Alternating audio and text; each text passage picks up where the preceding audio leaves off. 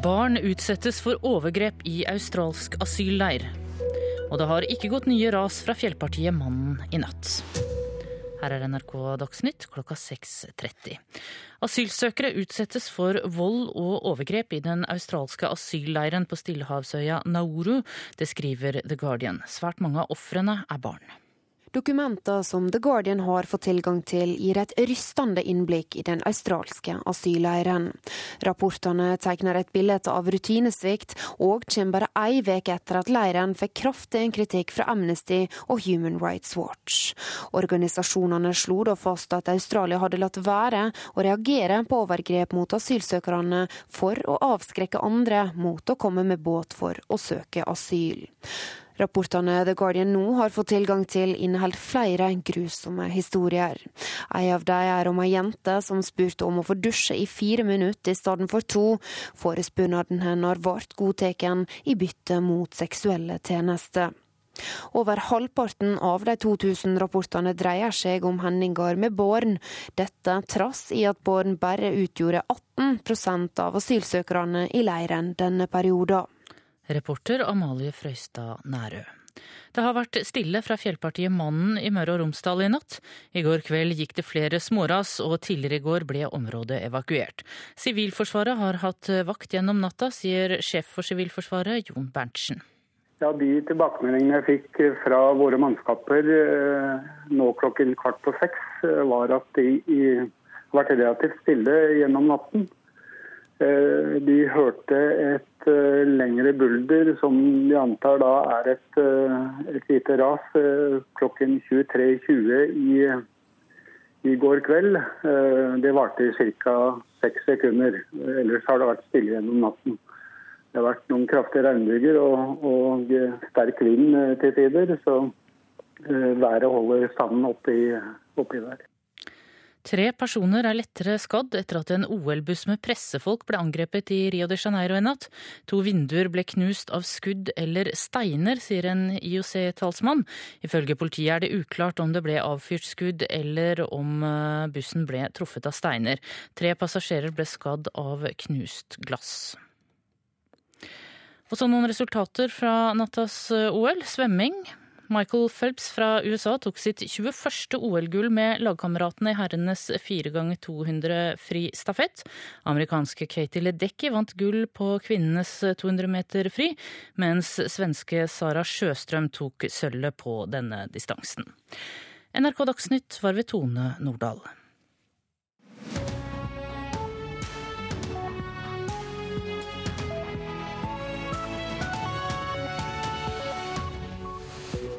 Her ønsker Øystein Heggen deg velkommen til Nyhetsmorgen med disse sakene. Fem tiltak skal sikre nok boliger. Kommunalministeren stiller krav til kommunene. Kristelig Folkepartis ungdomsparti advarer moderpartiet mot å samarbeide med Arbeiderpartiet. Nå er det viktigere enn noen gang å lage filmen om brannen på Scandinavian Star. Det sier filmprodusent Karin Julsrud. Og toppidrettssjefen er godt fornøyd med Norges åpning på OL i Rio de Janeiro. Ja, Kommunalministeren ber kommunene skjerpe seg ytterligere for å få fart på boligbyggingen, og han krever fem grep som skal skaffe husvære. Det kan bidra til å holde prisene i sjakk. Administrerende direktør Carl O. Gjeving i Eiendomsmeglerforbundet mener regjeringens boligprisstrategi fra i fjor har en flaskehals. Altså, regjeringen har gjort mye for å uh, forenkle uh, regelverk og gjøre det enklere å bygge, men flaskehalsen er i, i Eh, kommunene, og da særlig eh, Oslo kommune, hvor eh, byggesaksbehandlingen stopper opp og tomtereguleringen går altfor tregt. For vel et år siden kom regjeringens boligstrategi som skulle sikre økt boligbygging og holde prisene i sjakk. Siden har presset økt og prisene gått i været. Og i går kom tallene fra Statistisk sentralbyrå som viser at husholdningenes gjeld har økt dobbelt så raskt som lønnsveksten det siste året. Husholdningene har en totalgjeld på nesten 3000 milliarder kroner. Generelt så er prisveksten på boliger i Norge høy, og prisene øker fra et i utgangspunktet rekordhøyt nivå. Og dette utgjør, slik vi ser det, en risiko for at dette skal bli etterfulgt av tilbakegang. Det sier direktøren i Finanstilsynet, Morten Baltzersen. Men vi har levert forenkling i byggeprosessene, mener kommunalminister Jan Tore Sanner. Og jeg ser at mange kommuner kan halvere saksbehandlingstiden hvis de blir blant de beste. Det betyr at de må frigjøre kapasitet fra små ting til å konsentrere seg om større boligprosjekter. Det betyr at de må forenkle sitt eget regelverk, de må lære av hverandre. Får vi opp boligbyggingen, så vil også prisene kunne komme under kontroll.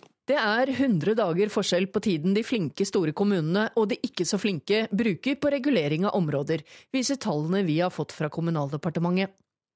Eiendomsmeglerforbundet foreslår at kommuner også får mer penger til infrastrukturtiltak, digitale løsninger, saksbehandling og insentiver for å få kommunene til å gjøre byggeprosesser smidigere.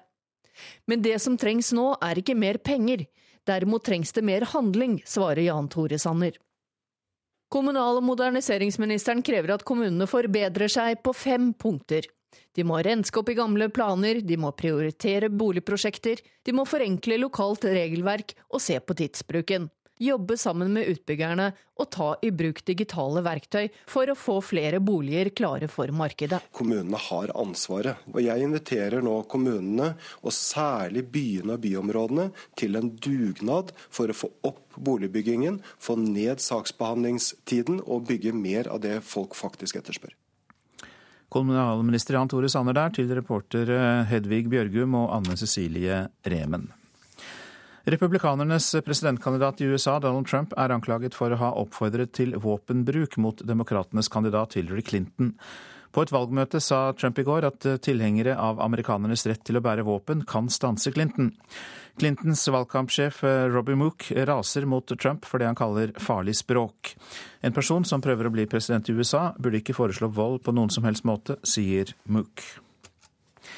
Nå i august er det 71 år siden bombene falt over Hiroshima og Nagasaki og drepte 140 000 mennesker i stråle, ild og trykkstormer som fulgte. Nei til atomvåpen har eh, vært på seremonien til minne for ofrene i både Hiroshima og Nagasaki, og daglig leder i Nei til atomvåpen, Frode Ersfjord, du er med oss fra Nagasaki. Og fortell oss eh, hva dere har eh, vært med på de siste dagene. Vi har reist sammen med ungdomspolitikere til Hiroshima og Nagasaki for å overvære de nevnte seremoniene. Der har vi hørt taler bl.a. fra statsministeren til Japan, men også til, eh, fra ordføreren eh, i Hiroshima, som har kommet med en klar oppfordring til at Obama sitt språk eh, om kjernefysisk nedrustning faktisk må innebære et internasjonalt lovforbud mot kjernevåpen. Ja, det er jo fortsatt uh, ni land i verden som har uh, atomvåpen. Uh, dere i Nei til atomvåpen, hvilke tanker gjør dere, dere om nettopp det? Det er spesielt, og stemninga i Japan er også spesiell. For samtidig som eh, det er mer populært enn noensinne å snakke om nedrustning, eh, også blant flertallet av de, landene, eh, de ni landene som har atomvåpen, så ruster samtlige av dem opp. Atomvåpen blir mer og mer avansert, de blir mer og mer mulig for bruk i militære konflikter og tilpasse en, en virkelighet som, som, som er i dag. Det er veldig farlig. Eh, derfor ønsker vi Nei til atomvåpen å opplyse om eh, det vi opplever i Japan hjem til Norge. Fordi eh, her er det veldig klart blant befolkninga, akkurat som i Norge, at man ønsker ikke flere kjernevåpen. Det er det de politiske elitene rundt omkring i verden som jobber hardt for. Det du beskriver der, er det en ny type våpen, en utvikling av våpnene som gjør det mer intelligente og på en måte mer anvendelige og farligere? Fremtida vil nok innebære eh, flere forslag til autonome altså, eh, sånn, eh, robotsystemer som bærer kjernevåpen. Det vet vi om. Men vi vet også at de to landene som har 95% av atomvåpnene i verden, Russland og USA, utvikler nye våpen både til sjø, både til land, til flybruk og samtlige triaden, altså samtlige deler av kjernevåpen. Eh, det som er spesielt med det her, eh, er jo at eh, verden blir mer utrygg og anspent. Og det merker jo de to tredjedelene av verdens land som sier ifra at, at nok er nok. Det holder ikke med fager retorikk. Vi må ikke bare lenger minnes ofrene. men faktisk gjøre noe. Så 2017 kan da bli det store året for nedrustning av kjernevåpen. Hvis bl.a. Norge deltar aktivt i generalforsamlinga til FNO og sier at vi trenger en gruppe som kan jobbe med lovteksten, som vil få satt i gang ei hurtigst mulig nedrustning istedenfor den opprustninga vi ser i dag. Til slutt, eh, Frode Ersfjord. Eh, er vi for lite opptatt av eh, atomvåpen? Vi, det er jo stort sett ved markeringer som den du er på at det blir omtalt? Ja, det kan du si. Nå har det vært et stadig sånn større etterspørsel og informasjon om atomvåpen de, de siste årene. Nå, nå, kommer det en amerikansk valgkamp som blir veldig aktuell når det kommer til kjernevåpen. Man har jo også tenkt på det at i demokratier så vil det være umulig å bruke kjernevåpen pga. folkelig press. Men vi ser jo at i også demokratier så kan man ende opp med en statsledelse som rett og slett ikke vil være i stand til å tenke på den måten. Eh, valgkampen i USA er et eh, veldig godt eksempel. Den er eh, oppheta, og man stiller da spørsmål fra begge sider om ikke bare opprustning av kjernevåpen, men også om man eventuelt kan bruke dem. Så Det vi syns er interessant, er jo i tillegg til et forbud mot atomvåpen, så bør man nå begynne å diskutere å ta av første bruk av atomvåpen fra bordet. Dvs. Si at de landene som har kjernevåpen, med USA og Russland i front, bør si fra seg muligheten til å angripe andre land, eller terroristgrupper for den saks skyld, med kjernevåpen. Det ville vært et veldig viktig steg før eh, presidentvalget i USA er over. Takk skal du ha, daglig leder i Nei til atomvåpen, Frode Ersfjord, med oss fra Nagasaki. Toppidrettssjef Tore Øvrebø mener Norge har hatt en god åpning på OL i Rio de Janeiro, til tross for at nordmenn har opplevd flere nedturer etter fire dager med konkurranser. Den øverste lederen i Olympiatoppen følger med på lekene og har vært på flere arenaer. Håndballjentene har to kamper hvor den ene var mye bedre enn den andre. Det er riktig rekkefølge, så den beste var den siste. Så det går riktig vei, ser det ut som. Så har vi hatt skyting hvor det har vært eh, Are var veldig bra nummer ti. Det er en flott prestasjon i en så marginal idrett. Stian har uh, levert uh, sine beste prestasjoner ever, altså turneren. Så han har uh, satt personlig rekord, for å si det sånn. Det gjorde han i OL, så det er veldig bra. Det er sjelden en turner blir trukket fram som noe av det positive fra et OL, men Stian Skjærahaug imponerte og kom nesten til finalen i turn. Når jeg fikk den gode starten, Sigurd, så gikk humøret til topps, og da er det lett å turne, og det er gøy. Toppidrettssjef Tore Øvrebø er opptatt av å trekke frem nettopp det positive sett med norske øyne. Det er flere oppturer, men det har også vært flere nedturer. Brasil vinner med tre boller mot Norge! 31-28! Første dag av OL. Norge taper for Brasil i håndballhallen og får en elendig start på lekene. På landeveien samme dag mislyktes Edvald Boasson Hagen og de andre syklistene. Det var ikke dagen vår. Så kom turen til vårt store håp i svømming, Henrik Kristiansen. Men heller ikke han har fått det helt til. Jeg er litt eh, overrasket jeg også nå, så jeg vet ikke helt hva som skjedde. Øvrebø vet at det er flere som har hatt behov for støtte i starten av OL i Rio. Det som vi jobber for når vi først har starta OL, det er jo at eh, vi jobber for at hver enkelt utøver skal få til optimale prestasjoner. Eh, og Det er når de ikke får til optimale prestasjoner vi blir lei oss. Men det er det å ha fokus på å faktisk få gjort sine beste prestasjoner, det er det viktige. Fortsatt er det mye igjen av OL, og Øvrebø setter bl.a. sin lit til roerne, som har imponert på Lagoa stadion. Det eh, ser det ut som at roerne bygger opp under. De er jo på vei et sted fortsatt, de da. Og Geir Elle rapporterte fra Rio. Resultater fra nattas OL svømming. Michael Phelps fra USA tok sitt 21. OL-gull med lagkameratene i herrenes 4 ganger 200 fri stafett. Amerikanske Cathy Ledecky vant gull for kvinnenes 200 meter fri, mens svenske Sara Sjøstrøm tok sølvet på distansen. Katinka Horsu fra Ungarn tok sin tredje gullmedalje i OL i kvinnenes 200 meter medley. Så var det tennis. Elina Svitolina fra Ukraina slo regjerende olympiske mester Serena Williams i to strake sett. Tittelforsvareren er dermed utslått i den tredje runden av tennisturneringen. Så var det avisene. Leier ut og flytter hjem. Aftenposten skriver om Andrea Ottmar og søsteren som tjener 900 kroner per natt på å leie ut sin leilighet i Oslo. Når gjestene flytter inn, søker søsknene tilflukt hos foreldrene. Det er en unik mulighet for studenter til å tjene penger, mener forbrukerøkonom Silje Sandmæl. Fjøsgulv rammer lakseeksport, skriver Dagens Næringsliv. Fordi mange norske sauebønder ikke følger EUs regler om heldekkende fjøsgulv, risikerer Norge å bli stengt ute fra EUs marked for økologisk mat. Flere land nekter å merke norsk laks som økologisk pga. denne striden om sauenes gulv. Festspillene får kjørt seg i Bergens Tidende. Flere kulturpersonligheter og tidligere festspilldirektører er bekymret over at Festspillene har gått fra å være et spisset festspill for klassisk musikk, teater, opera og ballett, til å bli en type altomfattende festival med ambisjoner om å by på noe for alt og alle. Human-Etisk Forbund skal føre tilsyn med en stilling de er motstandere av, skriver Vårt Land. Organisasjonen var mot å ansette en felthumanist i Forsvaret, og ville heller ha en livssynsnøytral stilling. Men nå blir det altså både prester, imamer og en ny felthumanist i Forsvaret. Kvinnefronten vil tillegge lekdommere mindre vekt i voldtektssaker, skriver Klassekampen.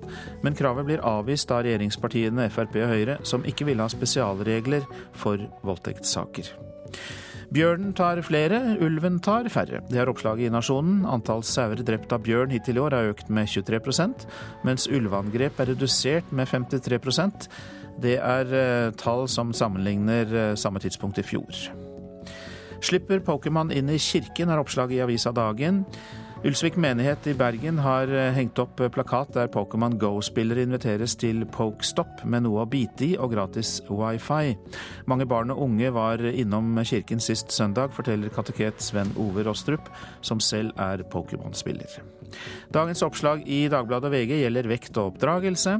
Overvekt kan gi deg eldre hjerne, skriver Dagbladet, mens pedagoger advarer i VG mot slappe og feige foreldre som får frekke og bortskjemte barn.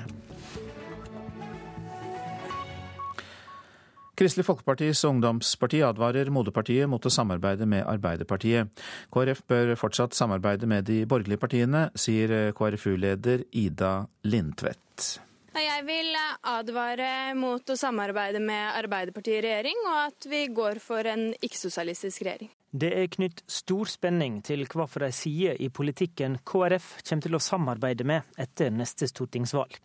For KrF er partiet i midten, og deres strategiske valg kan være det som avgjør om statsministeren heter Erna Solberg eller Jonas Gahr Støre når vi kommer til september 2017.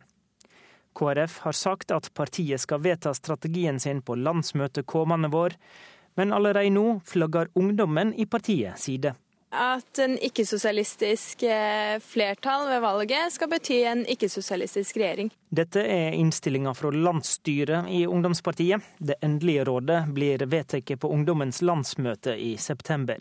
Men Ida Lindtveit er ikke i tvil om at KrF vil få mest igjen med å samarbeide med de blå partiene og sette inn Erna Solberg som statsminister. Fordi på de punktene der KrFU har vedtatt sin politikk, så er det økonomisk bærekraft som vi mener vi får mer igjen for å samarbeide med Høyre enn Arbeiderpartiet, hvor de vedtar flere velferdsordninger.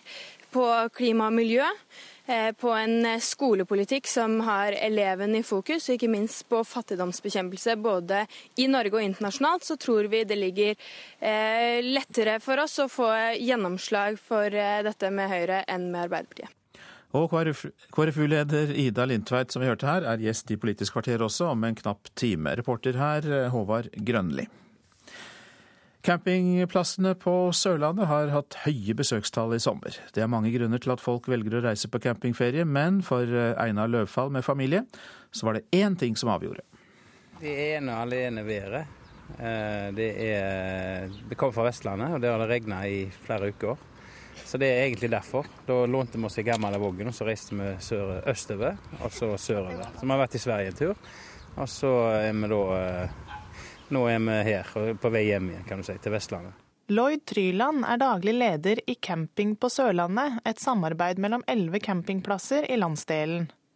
Han kan bekrefte at sommeren 2016 har vært en god sommer for campingplassene. Ja, den har vært eh, god. Som, eh, som de siste, de seneste årene, så fortsetter trenden. Og eh, altså, camping er kort og godt inn. Og 2016 eh, ser eh, veldig bra ut. Tryland mener at camping er et stadig mer populært ferievalg. Camping er bare en økende aktivitet. Det gjelder hele landet, og ikke minst da Sørlandet. Så har vi opplevd år etter år med veldig gode år. Stabile, gode år.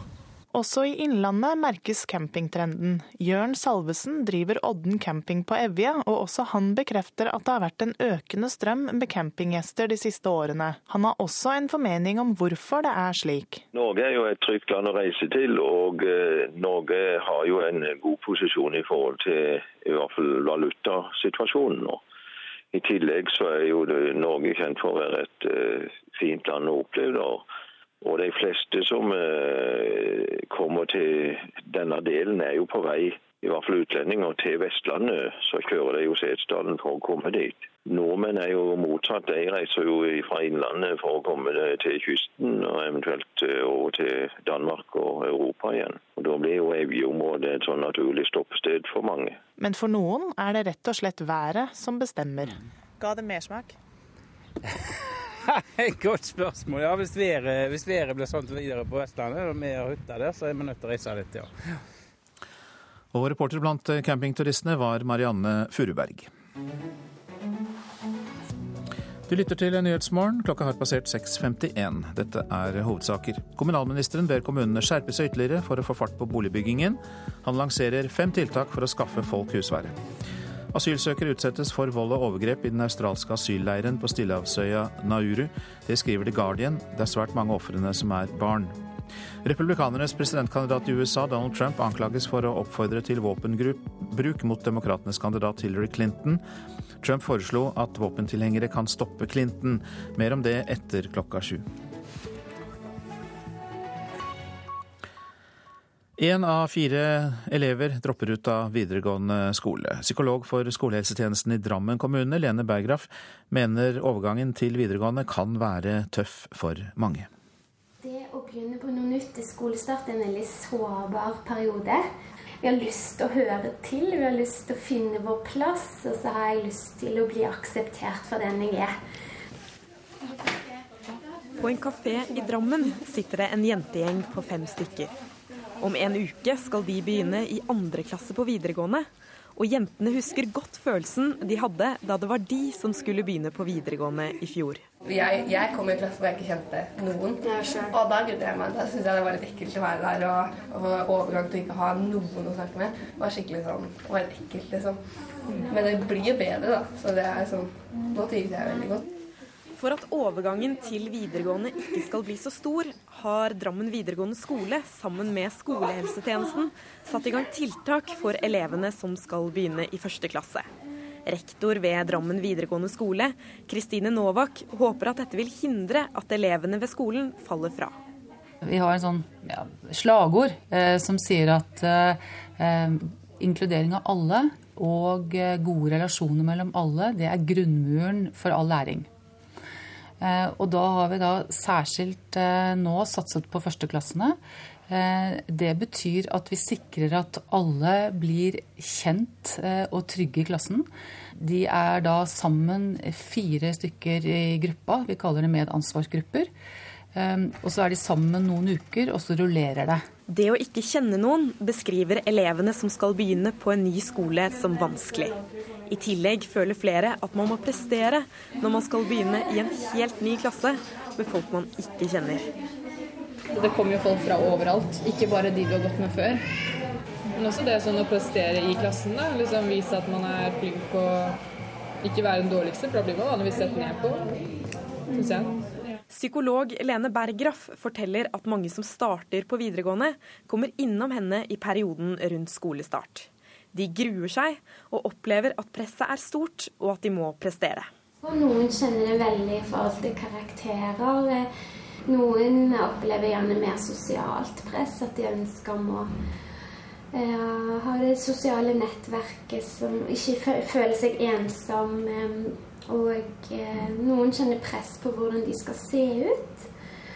Og andre kjenner nok også at de står i fare for å falle litt utenfor. For rektor Kristine Novak er det viktig at de nye elevene ikke faller utenfor. Til det er statistikken over elever som dropper ut altfor høy. Vi gjør det vi kan for at de skal få en trygg overgang. Vi har også mottakssamtaler, eh, hvor de nå i disse dager får brev hjem med invitasjon til en eh, samtale med kontaktlærer, hvor de også har med foreldrene sine. Det handler egentlig om å ta litt vare på seg sjøl og huske litt på hvem du er. At ikke du prøver nå når du begynner på nytt å være noen du ikke er, eller tilpasse deg litt for mye. For da blir du kjempesliten. Og prøv å være raus med deg sjøl. Tips fra psykolog Lene Bergraff i Drammen der, og reporter var Johanna Hauge. Det er viktigere enn noen gang å få laget filmen om brannen om bord på Scandinavian Star for 26 år siden, sier eh, filmens produsent Karin Julsrud.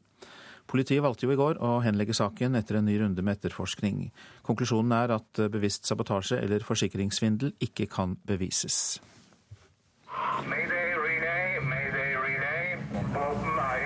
159 mennesker omkom da Scandinavian Star kom i brann i Skagerrak natt til 7. april 1990.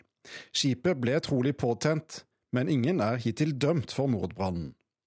Mange har ment etterforskningen på 90-tallet var mangelfull, men Oslo-politiet kan altså ikke trekke noen nye konklusjoner i saken, sa politimester Hans Sverre Sjøvold i går. Vi har uh, hatt et genuint ønske om å gi flere svar og jeg mener at vi gjennom denne etterforskningen har gitt flere svar, men vi har ikke fått noen oppklart straffesak. Dermed er det fortsatt ingen som kan mistenkes og straffes for tragedien. Det endrer lite på planen Karin Julsrud har om å lage spillefilm av hendelsen. Hun er ansvarlig produsent i fire og en halv film. Vi som står bak denne filmen eh, opplever at det er enda viktigere eh, å lage denne filmen enn noensinne. Vi ønsker å lage en politisk film som skal være et dokument over, eh, over det vi med stor tyngde kan kalle den største rettsskandalen i moderne europeisk historie. Det har blitt utøvd uten tvil en total svikt av rettssikkerheten. Eh, det har påvirket enormt mange mennesker, og det skal aldri få skje igjen. Selv om politiet nå lukker skuffen, jobber Stortinget videre med å granske mulig systemsvikt i etterforskningen på 90-tallet. Denne rapporten skal overleveres politikerne før neste sommer, og er når alt kommer til alt mer spennende for filmskaperne enn politiets arbeid. Granskingskommisjonen kan være en støttespiller for den måten vi ønsker å vinkle vår film på. Eh, ved å kunne påpeke noe av det som jeg kaller eh, graverende dårlig politiarbeid, og som har gjort at vi med ganske stor tyngde kan kalle dette en, eh, en stor rettsskandale. Karin Julsrud omtaler filmen som en konspirasjonstriller. Historiske fakta vil selvfølgelig være riktige, men rollene vil være oppdiktet. Jurister har allerede gått gjennom manus for å sikre at prosjektet er etisk og moralsk forsvarlig.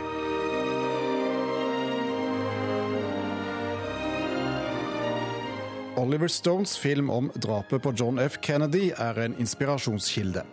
Som i JFK vil ikke Julsrud peke på konkrete gjerningsmenn, men stille spørsmål og forsøke å vise frem andre sider av saken. En film eh, med sitt, eh, i sin fiksjonaliserte eh, verden kan peke på andre ting, sette lys på ting på en annen måte enn det andre medier har muligheten til. Og den kan stå der som et dokument over noe som er en stor og viktig sak å belyse. Prosent Karin Julsrud til reporter Thomas Alvarstein Ove. Så tar vi for oss værvarselet østafjells. Først på dagen nordlig stiv kuling vest for Lindesnes og ut Oslofjorden. Regn mest blir det øst for Oslo. Fra ettermiddagen mindre vind og delvis oppklaring. Fjell i Sør-Norge. Vestlig liten kuling utsatte steder. Regnbyger, snø i høyfjellet. Det blir eh, mindre vind og lettere vær utpå ettermiddagen også i fjellet. Vestlandet gradvis minking til nordlig frisk bris. Fortsatt stiv kuling på Rogalandskysten på formiddagen, riktignok. Regnbyger, lokalt mye regn i Møre og Romsdal, men eh, det blir få byger i Rogaland. Trøndelag og Nordland fortsatt regnbyger, men etter hvert færre byger i Nordland. Troms og Finnmark øking til vestlig stiv kuling på kysten fra Torsvåg til Slettnes. Enkelte regnbyger først på dagen, seinere en del sol. Spitsbergen får stort sett oppholdsvær i dag, og det blir um, uendret eller litt lavere temperatur i hele landet. Her har vi tatt med oss de som ble målt uh, klokka fem. Svalbard lufthavn fem grader, Kirkenes ti, Vardø ni, Alta ti, Tromsø, Langnes og Bodø begge med åtte. Brønnøysund 7. Så var det Trondheim-Værnes, Molde og Bergen-Flesland, alle med åtte grader. Stavanger 9, Kristiansand-Kjevik 10, Gardermoen 7, Lillehammer 10. Røros 5 og Oslo-Blindern 8 grader. Og etter klokka sju så spør vi om punktum er satt for etterforskningen av Scandinavian Star-tragedien. Vi spør forfatteren av boka om kaptein Hugo Larsen, Dagbladet-redaktør John Arne Markussen.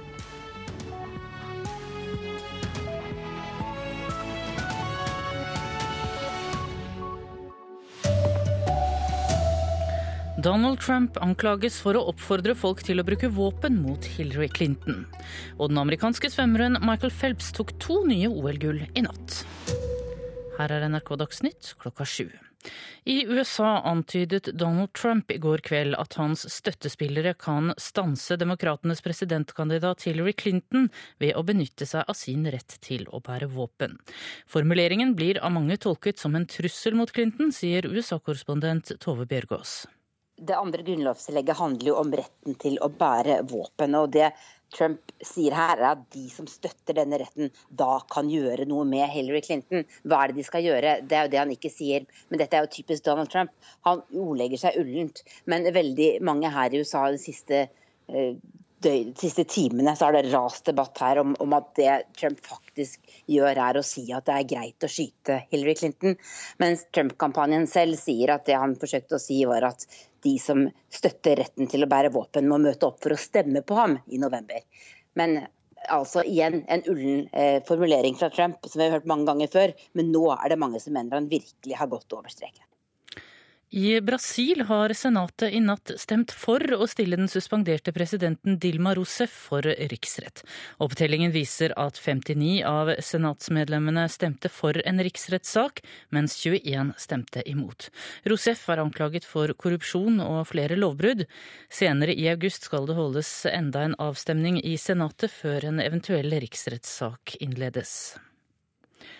Det har vært stille fra fjellpartiet Mannen i Møre og Romsdal i natt. I går kveld gikk det flere småras, og tidligere i går ble området evakuert. Sivilforsvaret har hatt vakt ved fjellpartiet gjennom natta. Svømmeren Michael Phelps tok to nye gull i Rio i natt. Han har nå 21 gullmedaljer i de olympiske leker.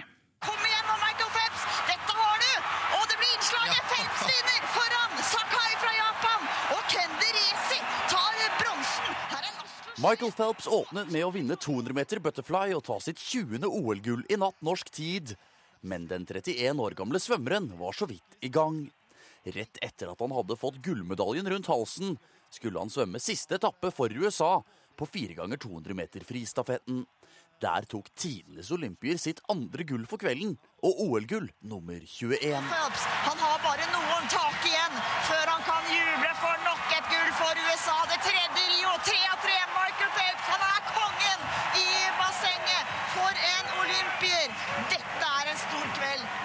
svømmesporten. Er... Reporter her var Emil Gukild. NRK Dagsnytt var ved Tone Nordahl. Her fortsetter Nyhetsmorgen. Mer om Donald Trumps siste kontroversielle utspill får du også høre her hos oss. Vi spør om punktum er satt for etterforskningen av Scandinavian Star-tragedien. Hit kommer forfatteren av boka om kaptein Hugo Larsen, Dagbladets redaktør Jon Arne Markussen. Forsikringsbransjen ser mer digital svindel. Nordmenn forfalsker digitale kvitteringer og bilder. Og fjellmassive mannen, det var altså rolig i natt, som vi hørte i Dagsnytt, men det er fortsatt rødt varsel der. Vi får straks rapport fra Romsdal.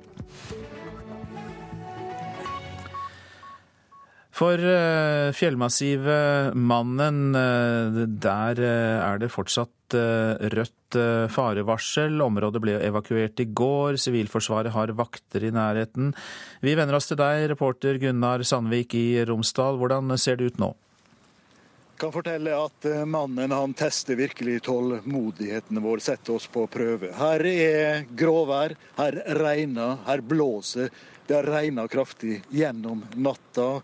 Skoddeskyene ligger ned og dekker deler av eh, fjellmassivet. og På toppen der så er det nå eh, ja, minus én grad. Litt eh, kaldt, altså. Men det regner fortsatt. Det faller ikke som snø. Men det har vært stille gjennom natta. Stille. Vi har ikke hørt noe bulder fra skred, slik vi gjorde i går kveld klokka 23.20 I seks sekunder da hørte man kraftig rumlende buldring fra et skred som gikk oppe i fjellsida. Alle venta selvfølgelig kom det til å skje noe. Det gjorde det ikke. Det ble stille igjen, og det har vært stille gjennom natta. Og det rapporterer disse fra Sivilforsvaret i Rauma, som har vært på lyttepost her gjennom natta. Gunnar Sandvik, du har jo fulgt med på dette i tidligere runder også. Du, eh, hvorfor skal vi bry oss om denne mannen? Hva er det som er så skummelt med dette fjellmassivet? Mannen, det som er det helt spesielle, det er jo det at vi kan faktisk overvåke det som skjer. For første gang så kan vi noen gang virkelig se og vente på at et fjell skal falle ut. Ikke den store mannen, fjellet, som er over 1200 meter høyt. Det er ikke det som i denne omgang man frykter skal falle, men en del av partiet, en del av fjellpartiet som vi kaller Veslemannen, da, som kan falle ned. Hvis det faller, så kan det i verste fall kanskje sperre Rauma, elva Rauma det kan bygges opp en stor demning, en flom som kan briste, som kan gjøre stor skade. Men man har ellers kontroll med de som bor innenfor der, som er evakuert. Tre gårder som ligger der. Europaveien gjennom Romsdalen fortsatt åpen, men toglinja som ligger i faresonen, den er sperra. Vi bør kanskje bare fortelle helt klart og tydelig at, eh, at sjøl selv om det har regna kraftig i natt, så er det faktisk avtagende bevegelser oppe i fjellsida. Eh, det er mindre bevegelse i fjellet, noe som overrasker geologene som har fulgt med på måleinstrumenter gjennom natta. Det betyr vi må bare vente fortsatt. Vi vet ikke når det her kommer. Vi følger med på dette. Det er bl.a. en pressekonferanse varslet eh, klokka ni. Reporter Gunnar Sandvik, takk skal eh, du ha. Ingen eh, blir altså tiltalt etter katastrofebrannen på Scandinavian Star i 1990, der 159 mennesker mistet livet. Politiet har jo etterforsket saken på nytt i to år, og har ikke funnet bevis for at det var flere brannstiftere. Politimester Oslo Hans Sverre Sjøvold sa i går at politiet ikke har fått presise sannheter, men de har fått mange avklaringer. Det har vært et genuint ønske fra politidistriktets side å kunne gi flere svar det er mange mennesker som eh, ble drept, mange omkom. Og eh, mange mennesker har hatt det vondt og har det vondt helt opp til i dag. Fordi de har mistet sine nærmeste og opplevd store belastninger knyttet til det. 159 menneskeliv. Sår som ennå ikke har grodd etter 26 år. Påstander om brannstiftelse, forsikringssvindel og en årelang kamp for å få gjenopptatt etterforskningen. Jeg mener at vi gjennom denne etterforskningen har gitt flere svar, men vi har ikke fått noen oppklart straffesak. Jeg er også innforstått med at det er mange meninger om denne saken, og hvordan vi burde ha håndtert ulike dilemmaer knyttet til etterforskningen, men det får vi nå en gang leve med. Vi, vi, har ikke fått de presise sannheter, men vi har fått en del viktige avklaringer. Reporter her var Martin Fjørtoft. Og som jeg nevnte ved starten av sendingen, vi får besøk av deg, Jon Arne Markussen. Velkommen. Du er jo sjefredaktør i Dagbladet og forfattet boka 'Kapteinen', historien om Hugo Larsen og Scandinavian Star. Eh, etter det vi har hørt i dag og i går, tror du etterforskningen setter sluttstrekk? Eh, ja, jeg tror det. Jeg tror den vil slett, sette sluttstrek nå. Har vi fått eh, de svarene vi vil ha? Nei, men det er helt klart at den siste runden med etterforskning har gitt oss eh, mye mer informasjon, flere avklaringer. De tema som var oppe nå under etterforskninga, som Oslo-politiet har gjort denne gang, var også nevnt i 1990-1991, da man holdt på, men de ble ikke til de grader undersøkt godt nok. For det var Eh, det, det, var oppmerksomhet rundt disse følgebrannene. Var de òg påsatt? Det var også snakk om dette med økonomisk motiv og forsikringssvindel, men det ble egentlig ikke etterforska skikkelig den gangen. Man må huske på at etterforskningen den gang den var fordelt mellom tre land. Mellom eh, Danmark, Sverige og Norge. Det kunne i utgangspunktet vært en god idé og en god tanke, men det er ingen tvil om at det var en veldig dårlig koordinering og samordning av etterforskninga. Du har fulgt med på det, du har skrevet bok om det. Hva tror du skjedde? Um, jeg, jeg, tror vel ikke at det er noe særlig tvil om at um, de to første brannene ble påsatt. Jeg har ikke noe tro på dette om at motivet var forsikringssvindel. Det er nesten litt søkt. Og det at en eller flere av mannskapet skulle være engasjert i et sånt prosjekt, og at vi aldri har hørt noe senere om dette, at ikke, dette har sprukket, at ikke, vi har fått vite noe mer, det tror jeg fester ingen lit til. Men Kaptein Hugo Larsen ble jo dømt til 60 dagers eh, fengsel. Eh, oppdater oss på det. Hva ble han dømt for? Hvilket ansvar hadde han? Ja, altså For å si det slik, eh, hans ansvar var jo å sørge for at han seilte med et sjøklart skip. Eh, og Scandinavian Star var ikke sjøklar. Det hadde ikke vært kjørt øvelser om bord på livredning eh, osv. Eh, det, var, det, det var mye som mangla med, med, alt det som går på brannsikring, eh, sprinkleranlegg eh, osv. Eh, og det var utrolig rotete og uferdig om bord. Mannskapet kjente ganske enkelt ikke båten de kom om bord på. Og hvis man skal klandre Hugo Larsen for noe, så mener jo jeg det var det at han egentlig gikk med på å seile. Han burde nektet. Mm. Får vi noen gang de klare svarene mange har etterlyst, særlig etterlatte? Nei, vi gjør nok ikke det. altså. Jeg tror ikke vi gjør det. Jeg tror ikke vi kommer eh, nærmere. Når det, altså, man har en antagelse om at det var påsatt. Man skal også huske på, og det har mange glemt, at i tiden forut for brannen på Scandinavian Star, så var det flere branntilløp på andre av disse båtene som gikk over Skagerrak. Eh, slik at dette kom som og kom som én av flere, og så gikk det så gærent som det gjorde. Takk for at du kom til Nyhetsmorgen, Jon Arne Markussen, som er eh, sjefredaktør i eh, Dagbladet. Forsikringsbransjen ser mer digital svindel nå. Nye tall fra Finans-Norge viser at det er avdekket forsikringssvindel for over 140 millioner kroner i første halvår i år. Forfalskning av digitale kvitteringer snakker vi om, bilder, dokumenter. Og eh, det er lettere å forfalske digital dokumentasjon. Det sier Gjensidige. Flere som vår reporter møtte på gata i Oslo, kjenner til folk som har prøvd seg på forsikringssvindel. Det var noen som eh, tenkte ved et forsikring så la de til litt, eller en god del.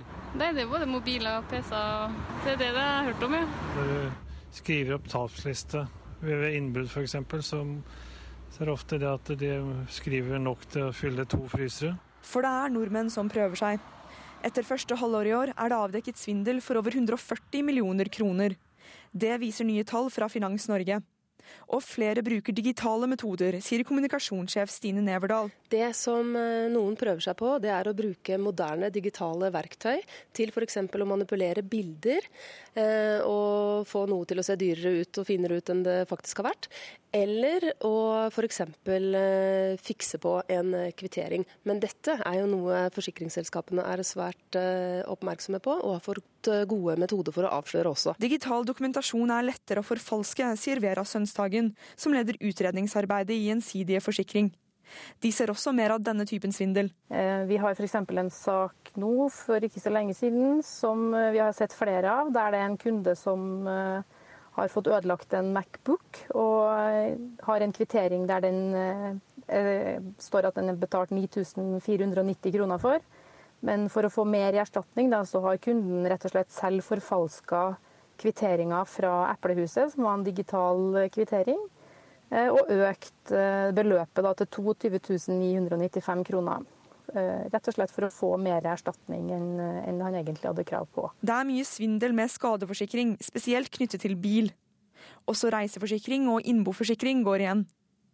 Det vanligste er at folk plusser på høyere verdier på ekte skadekrav, sier Neverdal. Det kan være en reise f.eks. eksempel hvor de forteller om eh, utallige kjoler i kofferten, mens de bare kanskje har hatt med seg to eh, flotte kjoler. Nesten 500 saker har blitt avdekket i første halvår i år, ifølge Finans Norges undersøkelse. Sønnsdagen i Gjensidige frykter mørketall. Flere er villige til å begå forsikringssvindel, som ser på seg selv som lovlydige borgere, og som aldri ville ha begått eh, mange andre typer kriminalitet. Da. Og på gata var det ikke mye sympati å spore for de som prøver seg på svindel.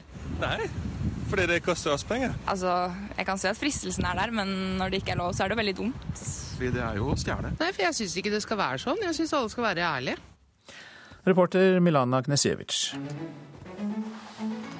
Dette er Nyhetsmorgen, og snart er klokka kvart over sju. Dette er hovedsaker.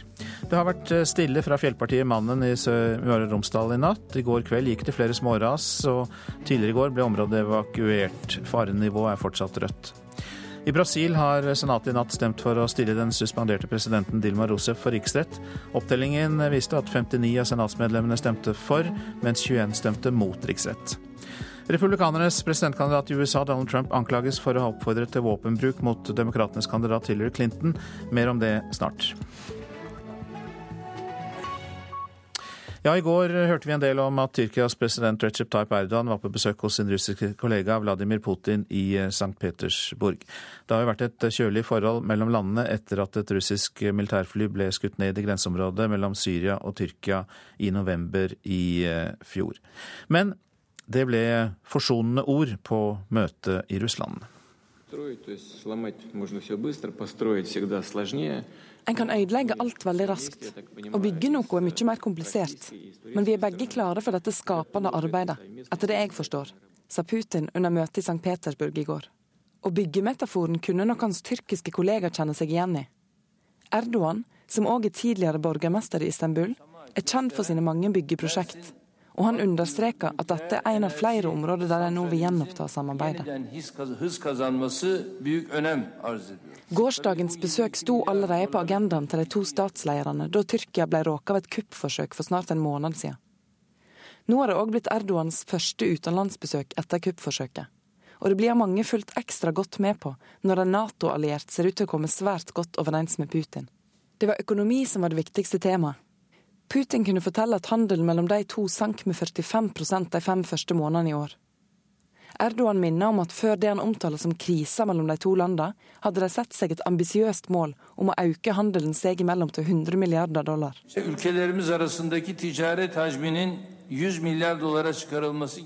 det er flere påbegynte prosjekt å gjenoppta. Russland var allerede i gang med å bygge et atomkraftverk i Tyrkia, i tillegg til en gassledning under Svartehavet som skal bringe naturgass fra Russland til Tyrkia. I tillegg er det viktig for Tyrkia at russiske turister kommer tilbake. Spesielt etter at turismen har fått kjenne på følgene av flere terroråtak, som gjør folk skeptiske til å reise til landet. Samtidig i Ankara repeterte statsminister Benali Yildirim kravet om at USA utleverer Fetula Gulen. O terörist Türkiye'ye gelecek, hesap verecek. Tyrkia mener den islamske predikanten sitt nettverk står bak kuppforsøket, og har slått hardt ned på hans tilhengere i flere sektorer i det tyrkiske statsapparatet. Sa reporter Gunhild eh, Årdal. Og førsteamanuensis i Midtøsten-studier ved Universitetet i Oslo, Joakim Paslow, velkommen hit. Takk. Vi har snakket en del om eh, det, Tyrkia og Russland i det siste, men eh, ut ifra hva som har skjedd i nyere tid, men dette har vært et eh, opp og ned og turbulent eh, forhold eh, gjennom tidene mellom, mellom Russland og Tyrkia?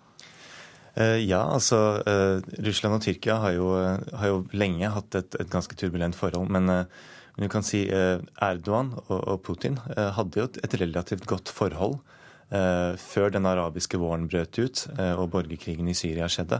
Det var på en måte det som, som tvang dem til å ta hver sin side der, først og fremst fordi at Putin eh, eller Russland da har et, et veldig langt og veldig dypt samarbeid eh, med Assads regime i Syria, som går veldig langt tilbake.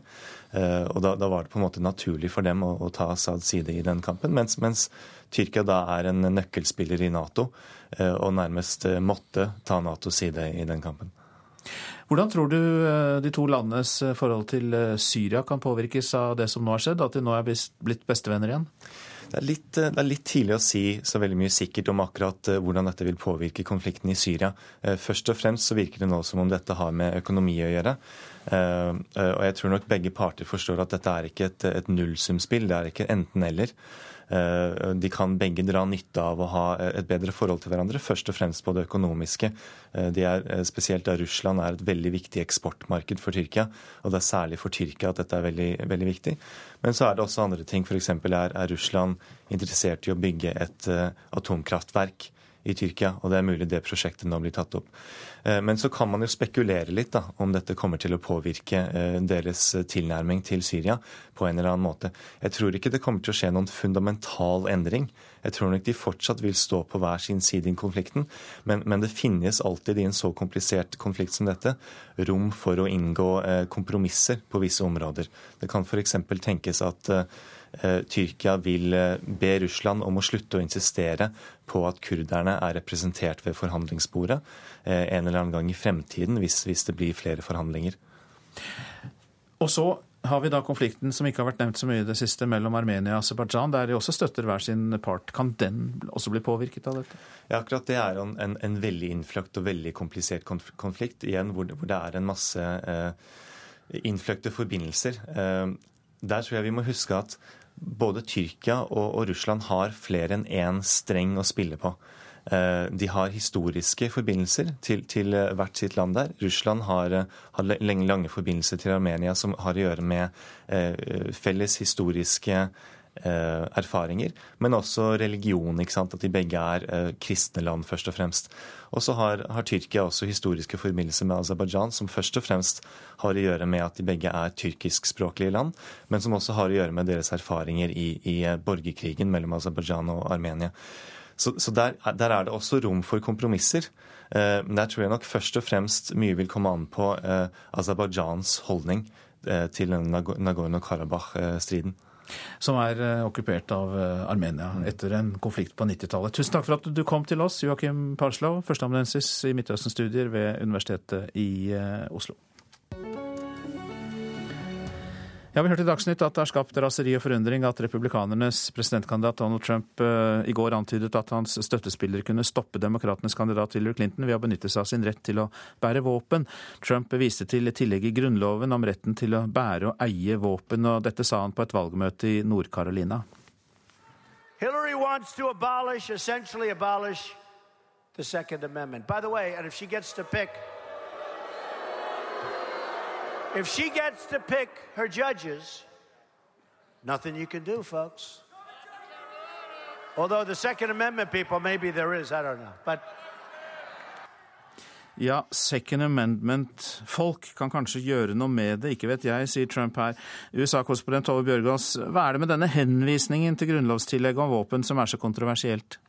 Nei, altså Det andre grunnlovstillegget handler jo om retten til å bære våpen. og det Trump sier her, er at de som støtter denne retten, da kan gjøre noe med Hillary Clinton. Hva er det de skal gjøre? Det er jo det han ikke sier. Men dette er jo typisk Donald Trump.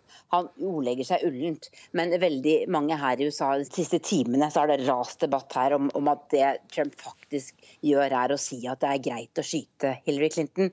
Mens Trump-kampanjen selv sier at det han forsøkte å si, var at de som støtter retten til å bære våpen, må møte opp for å stemme på ham i november. Men altså igjen en ullen eh, formulering fra Trump, som vi har hørt mange ganger før. Men nå er det mange som mener han virkelig har gått over streken. Si litt mer om de reaksjonene som er kommet. Det er altså slik at Selv Secret Service, som altså er den politistyrken som beskytter presidentkandidater som Trump og Hillary Clinton, kan komme til å etterforske denne uttalelsen, fordi det er straffbart å komme med trusler mot en politiker i USA, dersom det er det, er det Trump har gjort her. Eh, men i tillegg så kommer det også reaksjoner fra republikanere, bl.a. den tidligere CA-sjefen eh, Michael Hayden, som sier at dersom en annen som var til stede, en tilhenger som var til stede på dette valgmøtet, hadde sagt det samme som Trump, så ville han blitt satt rett i arresten. Eh, fordi slike ulne de kan man faktisk bli etterforsket og fengslet for her. Så, så, så da, det kommer svært eh, sterke reaksjoner. Men det mange mener her, og også lederartiklene i de store, store, avisene i dag skriver, er at nå må ledende republikanere snu seg mot Trump, si at de avviser ham som presidentkandidat. Nå har det altså bare gått 24 timer, litt over 24 timer siden Trump la fram sin økonomiske plan og skulle på en måte bli stueren igjen. Og så går han altså over streken så fort med den groveste uttalelsen mange mener han har kommet med så langt i valgkampen. USA-korrespondent Tove Bjørgaas, som vi snakket med før sending, og vi legger til at Clintons valgkampsjef Robbie Mook sier Trump bruker et farlig språk, og at en person som prøver å bli president i USA, ikke burde foreslå vold på noen som helst måte. Avisene. Leier ut og flytter hjem. Aftenposten skriver om Andrea Otmar og søsteren som tjener 900 kroner per natt på å leie ut sin leilighet i Oslo. Når gjestene flytter inn, søker søsknene tilflukt hos foreldrene. En unik mulighet for studenter til å tjene penger, mener forbrukerøkonom Silje Sandmæl. Fjøsgulv rammer lakseeksport, får vi vite i Dagens Næringsliv.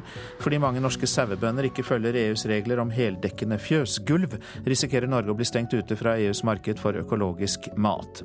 Flere land nekter å merke norsk laks som økologisk pga. striden om sauenes gulv. Festspillene får kjørt seg i Bergens Tidende. Flere kulturpersonligheter og tidligere festspilldirektører er bekymret over at Festspillene har gått fra å være et spisset festspill for klassisk musikk, teater, opera og ballett, til å bli en type altomfattende festival med ambisjoner om å by på et noe for alt og alle-program. Human-Etisk Forbund skal føre tilsyn med en stilling de er motstandere av, skriver Vårt Land. Organisasjonen var mot å ansette en felthumanist i Forsvaret, og ville heller ha en livsnøytral stilling. Men nå blir det altså både prester og imamer og en ny felthumanist i Forsvaret. Kvinnefronten vil tillegge lekdommere mindre vekt i voldtektssaker, skriver Klassekampen. Men kravet blir avvist av regjeringspartiene Frp og Høyre, som ikke vil ha spesialregler for voldtektssaker. Bjørnen tar flere, ulven tar færre, er oppslaget i Nasjonen. Antall sauer drept av bjørn har hittil i år økt med 23% mens ulveangrep er redusert med 53% Det er eh, sammenlignet med samme tidspunkt i fjor. Slipper Pokémon inn i kirken, er oppslaget i avisa Dagen. Olsvik menighet i Bergen har hengt opp en plakat der Pokémon Go-spillere inviteres inn til Pokestop med noe å bite i og gratis wifi. Mange barn og unge var innom kirken sist søndag, forteller kateket Sven Ove Rostrup, som selv er Pokémon-spiller. Dagens oppslag i Dagbladet og VG gjelder vekt og oppdragelse. Overvekt kan gi deg eldre hjerne, skriver Dagbladet, mens pedagoger advarer i VG mot eh, slappe og feige foreldre som får frekke og bortskjemte barn. Det er eh, mange som plages av brunsnegler i hagen, det vet vi jo. Men ikke alle går så systematisk til verk som 90 år gamle Torveig Haaland i Grimstad. På en kveld tok hun knekken på 554 snegler. Om dere vil si mordvåpenet Mordvåpenet. Torveig Haaland henter fram en gammel og godt brukt skjulp fra skapet. Jeg lurer på om det er noen i dag. Så går ferden ut i felleshagen på Bergetun i Grimstad, på jakt etter brunsnegler. Det er for fint vær i dag til Jeg tror ikke det er noen ute i dag. Situasjonen var en helt annen enn lørdagskveld litt tidligere i sommer. Det, det vrimla. Det var vel uh, omtrent 50 sniler bare sånn på et lite stykke. Men de var rart, for de, de krag opp på oppå her og, og tok de beste gressene liksom, og, og åt. I løpet av halvannen time tok 90-åringen knekken på 554 brunsnegler med spaden sin, eller mordvåpenet som hun kaller det. Ja, men det er mordvåpenet. For um, hadde jeg ikke den, så kunne jeg ikke gjøre det. For um, jeg har prøvd med bare en kniv, og så sier de ja, men, men, uh, men jeg kan ikke bøye meg så langt. Så kan jeg ta de bare sånn. Dele de på midten. De slimete skadedyra er ikke bare på plenen. I fjor kom det også mange opp på verandaene i første etasje.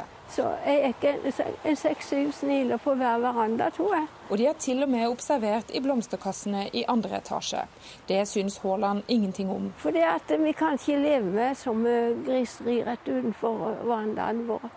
Det, det er ikke til å holde ut. så, og så, så er det ikke noen andre som vil gjøre noe med det. så. Det er bare meg som kan. Det er en. Men, men det er best å få tatt den. Sånn. Nå er han delt i to. Torveig Haaland er vokst opp på gård og har drept snegler siden hun var liten. Hvis det er ekle, men hva skal du gjøre? det var Grimstad resttidene som først omtalte 90-åringens innsats for å holde hagen utenfor omsorgsboligene sneglefri. Det var jo overraskende lite brunsnegler her, da. Og innsatsen har ikke gått ubemerka hen hos kommunens ansatte. Det er jo helt topp. Det er jo kjempe. I blomsterpottene utenfor boligene må gartner Siri Risholt Torjussen leite godt skal hun finne en brunsnegle. Overraskende lite, altså. Ja, det er jo fordi at jeg har tatt alle sammen. Torveig Haaland til reporter Miriam Grov. Du lytter til Nyhetsmorgen, produsent Lisa Hesel Asbjørnsen og her i studio Øystein Heggen. Musikk forsoner grekere og tyrkere. Det får vi høre mer om i reportasjen etter Dagsnytt. EU, brexit og EFTA blir tema når Senterpartileder Trygve Slagsvold Vedum møter regjeringens EU- og EØS-statsråd Elisabeth Aspaker til debatt i Politisk kvarter kvart på åtte. Og i samme sending kan du også høre et intervju med KrFU-leder Ida Lindtveit, som advarer mot et samarbeid med Arbeiderpartiet.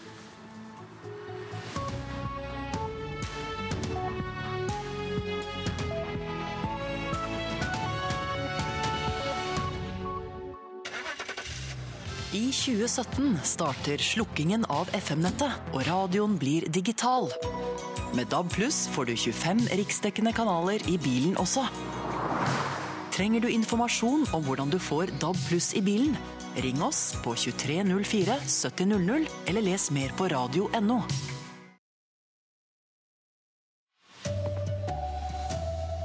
Donald Trump anklages for å oppfordre folk til å bruke våpen mot Hillary Clinton. Senatet i Brasil har stemt for å stille president Dilma Rousef for riksrett. Og det har ikke gått nye ras fra fjellpartiet Mannen i natt. Her er NRK Dagsnytt klokka 7.30. I USA antydet Donald Trump i natt at hans støttespillere kan stanse demokratenes presidentkandidat Hillary Clinton ved å benytte seg av sin rett til å bære våpen. Amerikanske medier mener han indirekte oppfordret folk til å skyte demokratenes presidentkandidat. If she gets to pick her judges, nothing you can do, folks. Although the Second Amendment people, maybe there is, I don't know. Hvis Hillary Clinton får velge høyesterettsdommere, er det ingenting dere kan gjøre, folkens. Rent bortsett fra dere som er tilhengere av retten til å bære våpen, da, sier Donald Trump. Uttalelsen til presidentkandidaten er ullen og spøkefull som vanlig.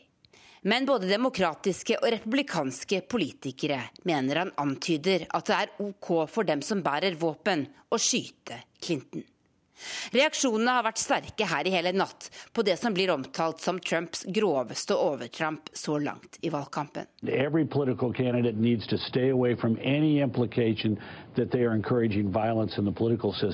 Enhver oppfordring til voldsbruk er uakseptabel for en kandidat, sier Carl Rove, som var president George W. Bushes nærmeste rådgiver og valgkampstrateg til Fox News. Også kongressleder Paul Ryan ber Trump forklare hva han mente. Uh, like en tuller ikke med slikt, sier Ryan til Reuters.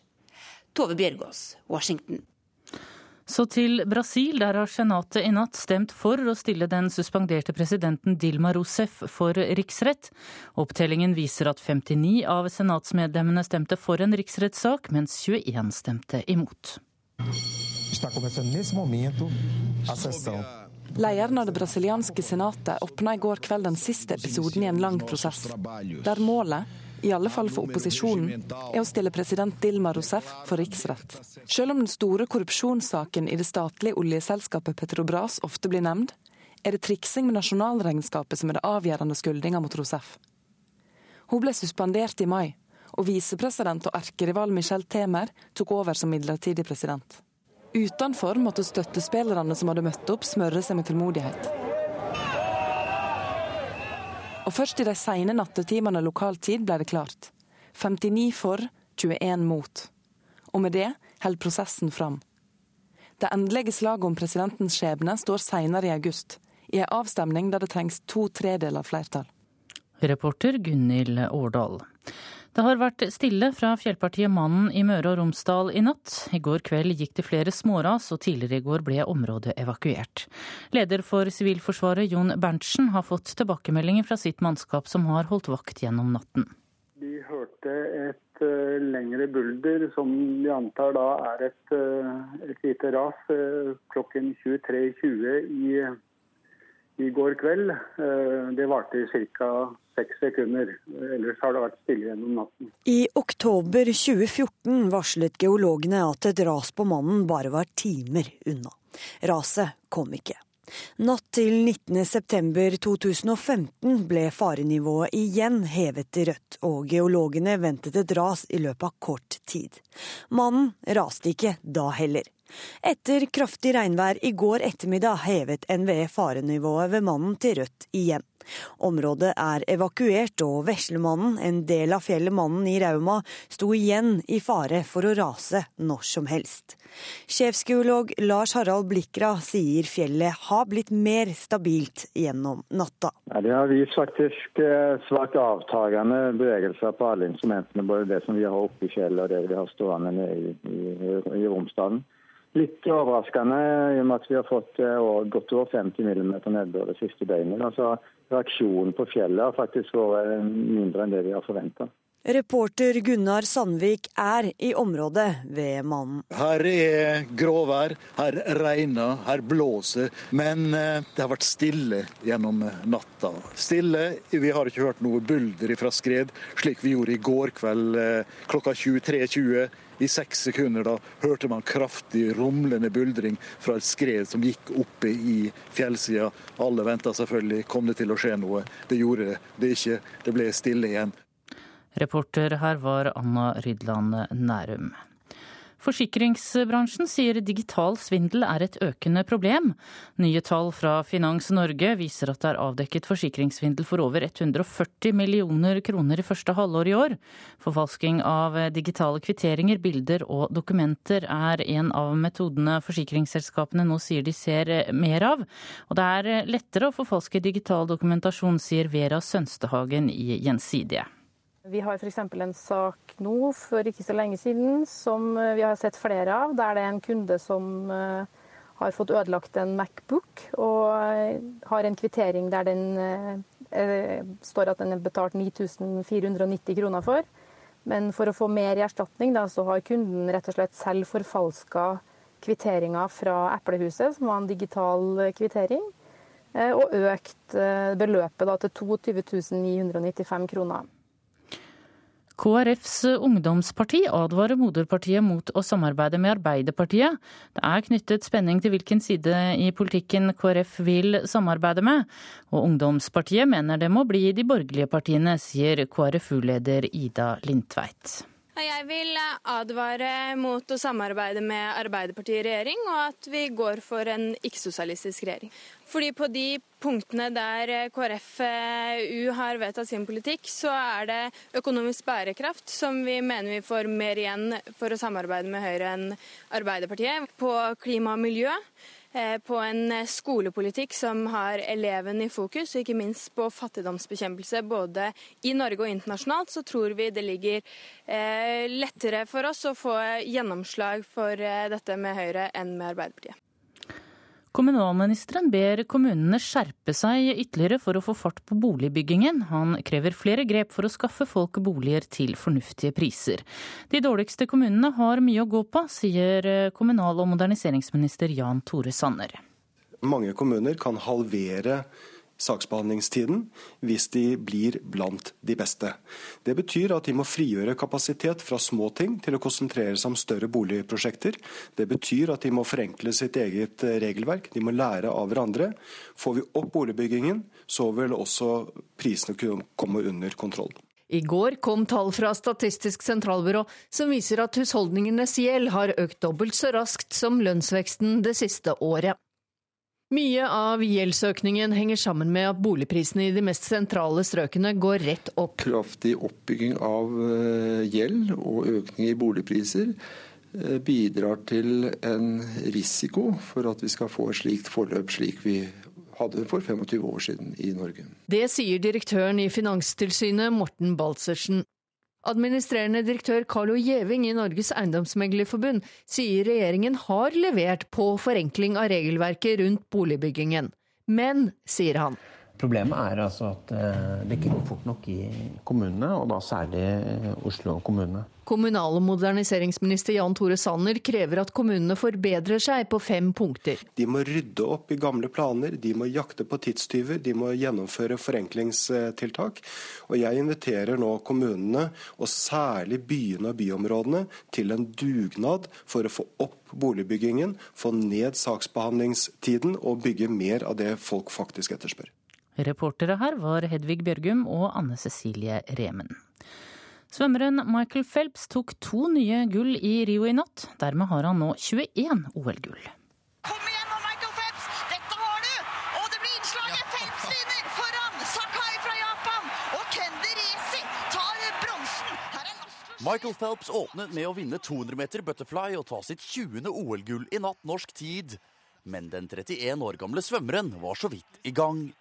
Rett etter at han hadde fått gullmedaljen rundt halsen, skulle han svømme siste etappe for USA på 4 ganger 200 meter fristafetten. Der tok tidenes olympier sitt andre gull for kvelden, og OL-gull nummer 21. Phelps, han har bare noen tak igjen før han kan juble for nok et gull for USA. Det tredje Rio, tre av tre. Michael Phelps, han er kongen i bassenget for en olympier. Dette er en stor kveld for svømmesporten. Dette er en stor kveld for Michael Phelps. Reporter i dette innslaget var Emil Gukild. Ansvarlig for Dagsnytt i dag, Hans Christian Eide. I studio, Tone Nordahl. Og dette er eh, Nyhetsmorgen. Tyrkia forsoner seg med Russland, det har vi hørt i nyhetene. Det er ikke noe nytt at Tyrkia har et anstrengt forhold til eh, andre land, selv om en tidligere utenriksminister uttalte at målet hans var null problemer med naboene. En av naboene er eh, Hellas, som tidligere var en del av det tyrkisk-dominerte osmanske riket. Trass i det historiske fiendskapet mellom disse landene, så deler de mye kultur, ikke minst musikk.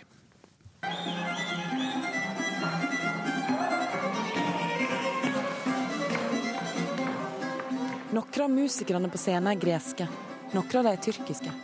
Tonene er begge deler. Et par menn danser i vest og hatt.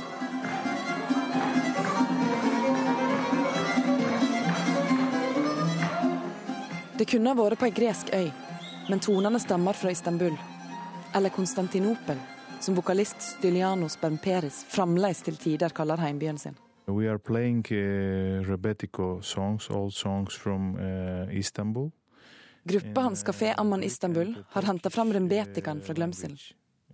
Musikkstilen er i dag kanskje mest forbundet med Hellas, men den har sine røtter i vesle Asia, sier Bermperis. Han er gresk, men bor i Istanbul med sin tyrkiske kone. Sammen med hun og de andre i bandet tar han oss med tilbake til de gamle kneipene.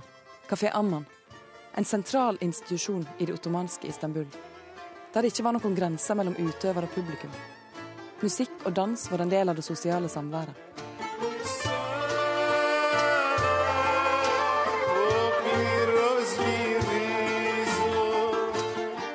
Og i tillegg til å traktere de ulike instrumentene og dansen, har gruppa òg iscenesatt episoder som kunne gått føre seg den gangen. For brått starter noen av de dansende mennene å knuffe på hverandre. Det kan se ut som de krangler om noen damer som sitter ved et bord og nyter et glass raki. Eller er det Ozo?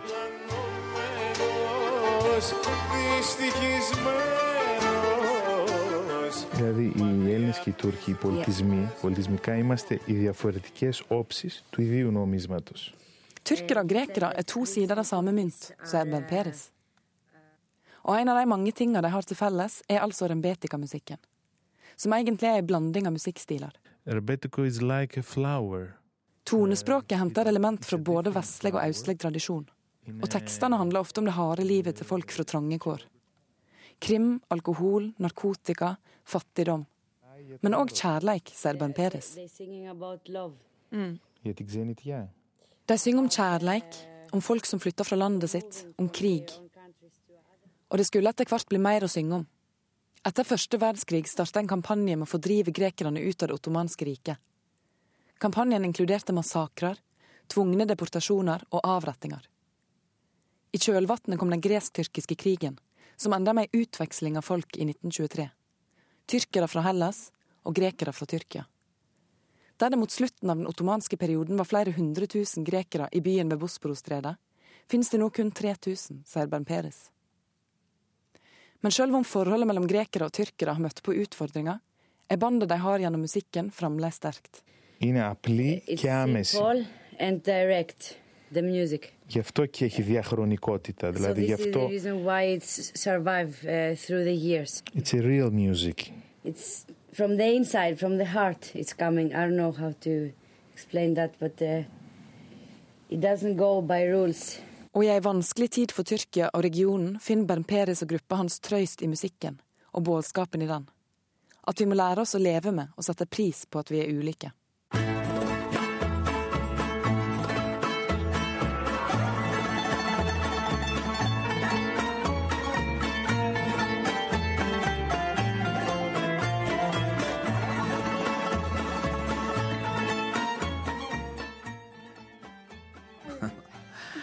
Det var reporter Gunhild Årdal som hadde møtt gruppa Kafé Aman i Istanbul, og som opptrådte på Førdefestivalen tidligere i sommer. Noen stikkord for nyhetene i dag. I USA har Donald Trump antydet at demokratenes presidentkandidat Hillary Clinton kan stoppes ved at folk benytter seg av sin rett til å bære våpen. Amerikanske medier mener han indirekte oppfordrer folk til å skyte demokratenes presidentkandidat. I Brasil har senatet i natt stemt for å stille den suspenderte presidenten Dilma Rousef for riksrett. Og det har ikke gått ny ras fra fjellpartiet Mannen i Romsdal i natt, men det gikk flere småras i går kveld, og området nedenfor fjellet er evakuert. Så er det Politisk kvarter. Programleder er Håvard Grønli.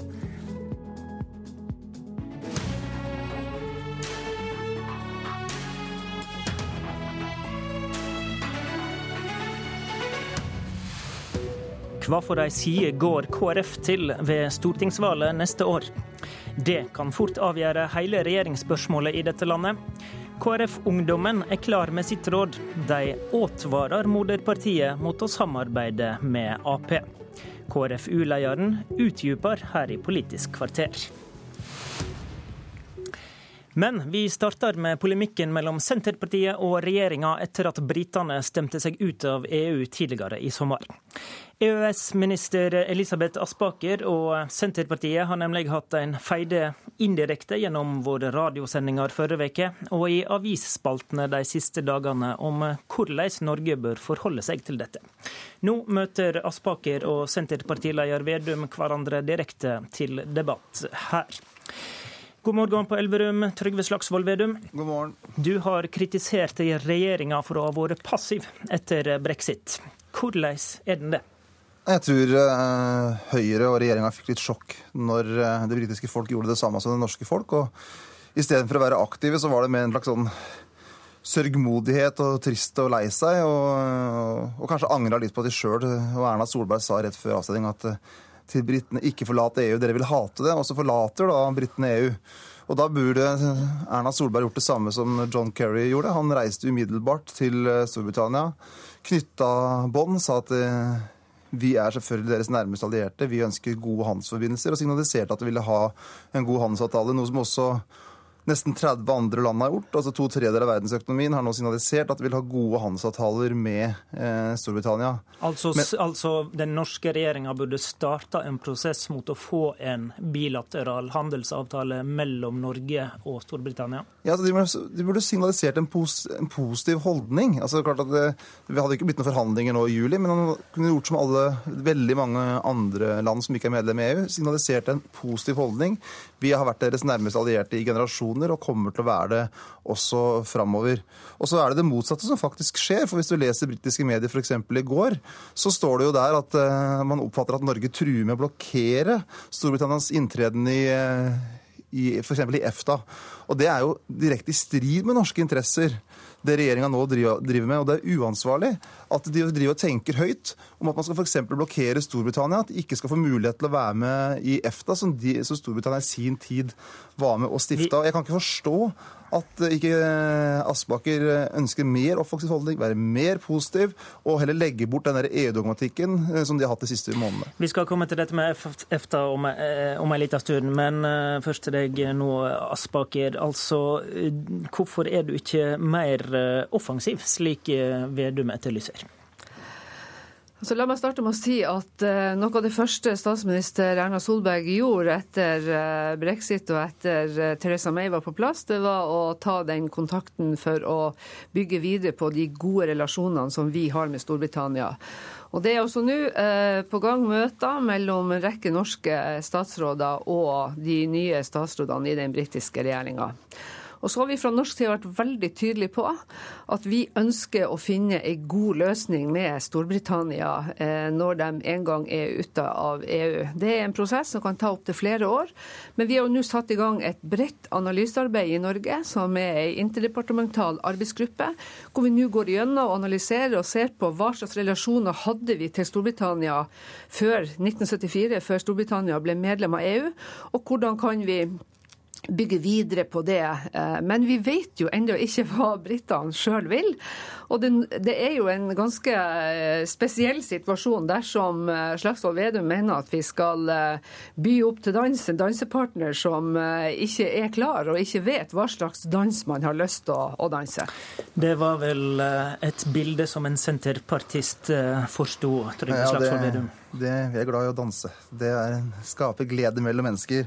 Men poenget er jo at uh, regjeringa gjør jo det helt motsatte. Dere signaliserer en helt negativ holdning. At dere sier nei før dere har blitt uh, byttet opp til dans for å bruke regjeringa sitt eget uh, bilde her. Fordi at uh, F.eks. sånn som når man da før folkeavstemningen sa at det britiske folk vil hate å gjøre det samme som det norske folk har gjort, som Erna Solberg da faktisk kunne si. Jeg skjønner ikke at en statsminister kan bruke den type ord.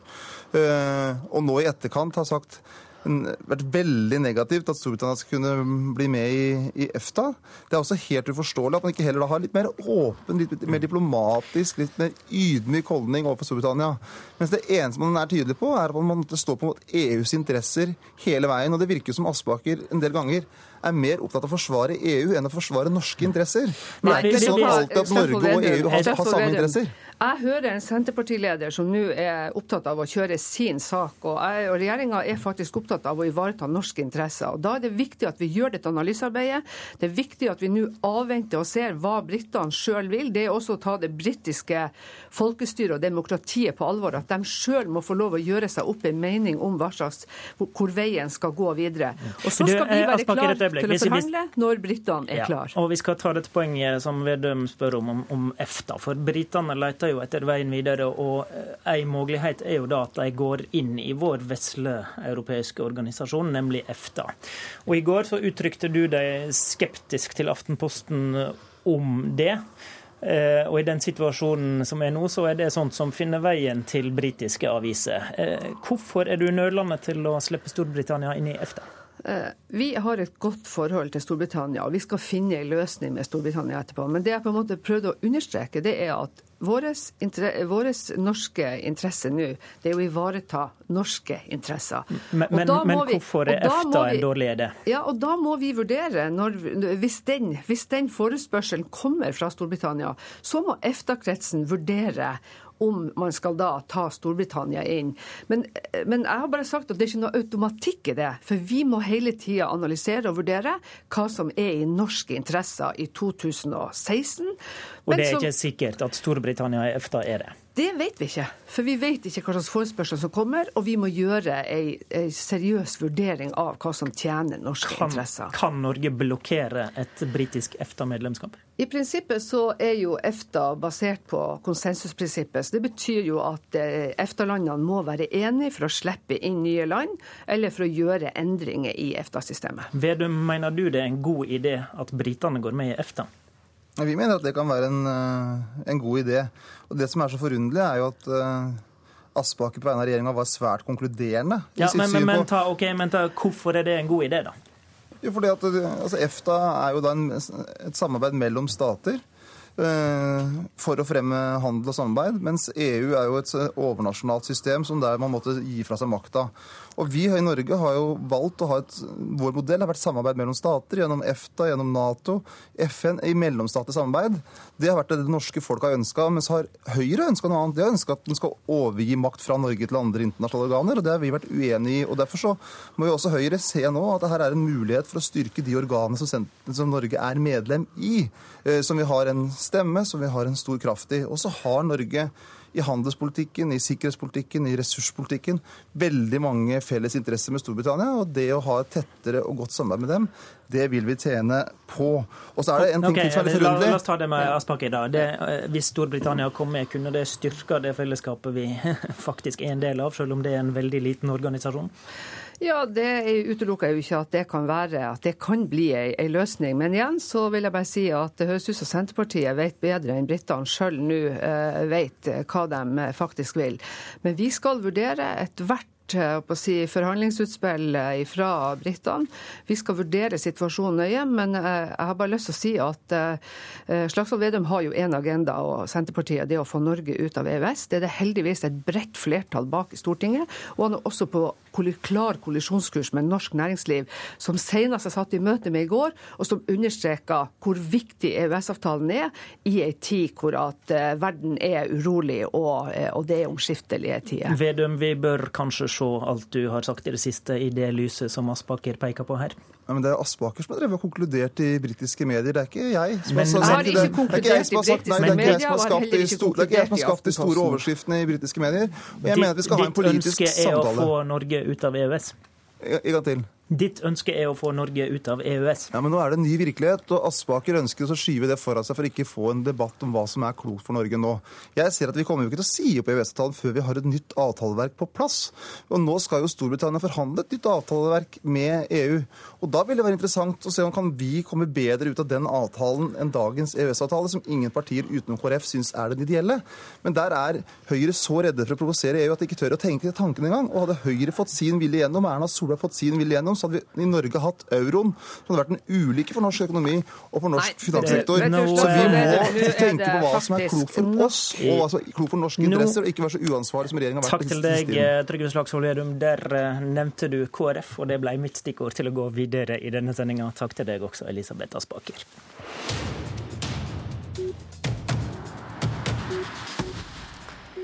Velkommen til eh, Politisk kvarter, KrFU-leder Ida Lindtveit. Takk.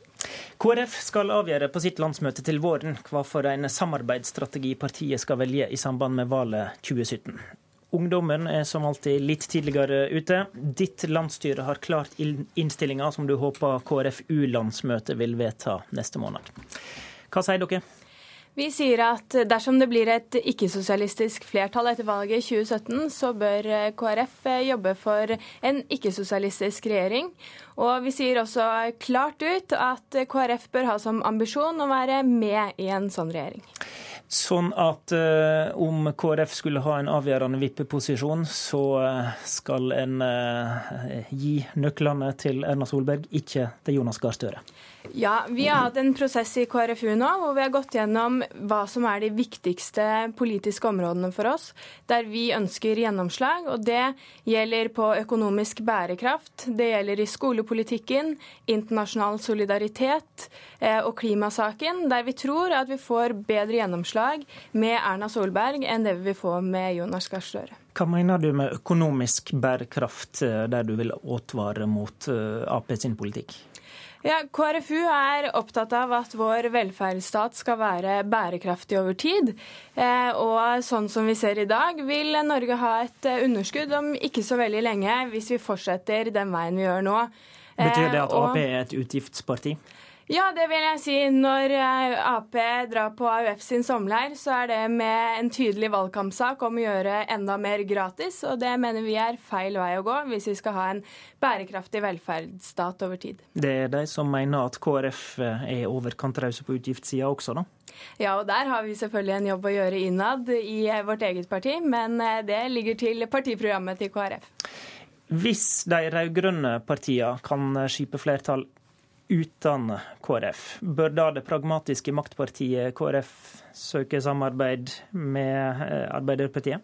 Da vil jeg jo si at det er en helt ny parlamentarisk situasjon. Eh, og KrFU er klare på at det viktigste for oss er politisk gjennomslag. Og det må være førende for hva man gjør i en sånn type situasjon. Samtidig så vil dere ikke ha en samarbeidsavtale som den partiet har med regjeringa i dag. Hvorfor ikke?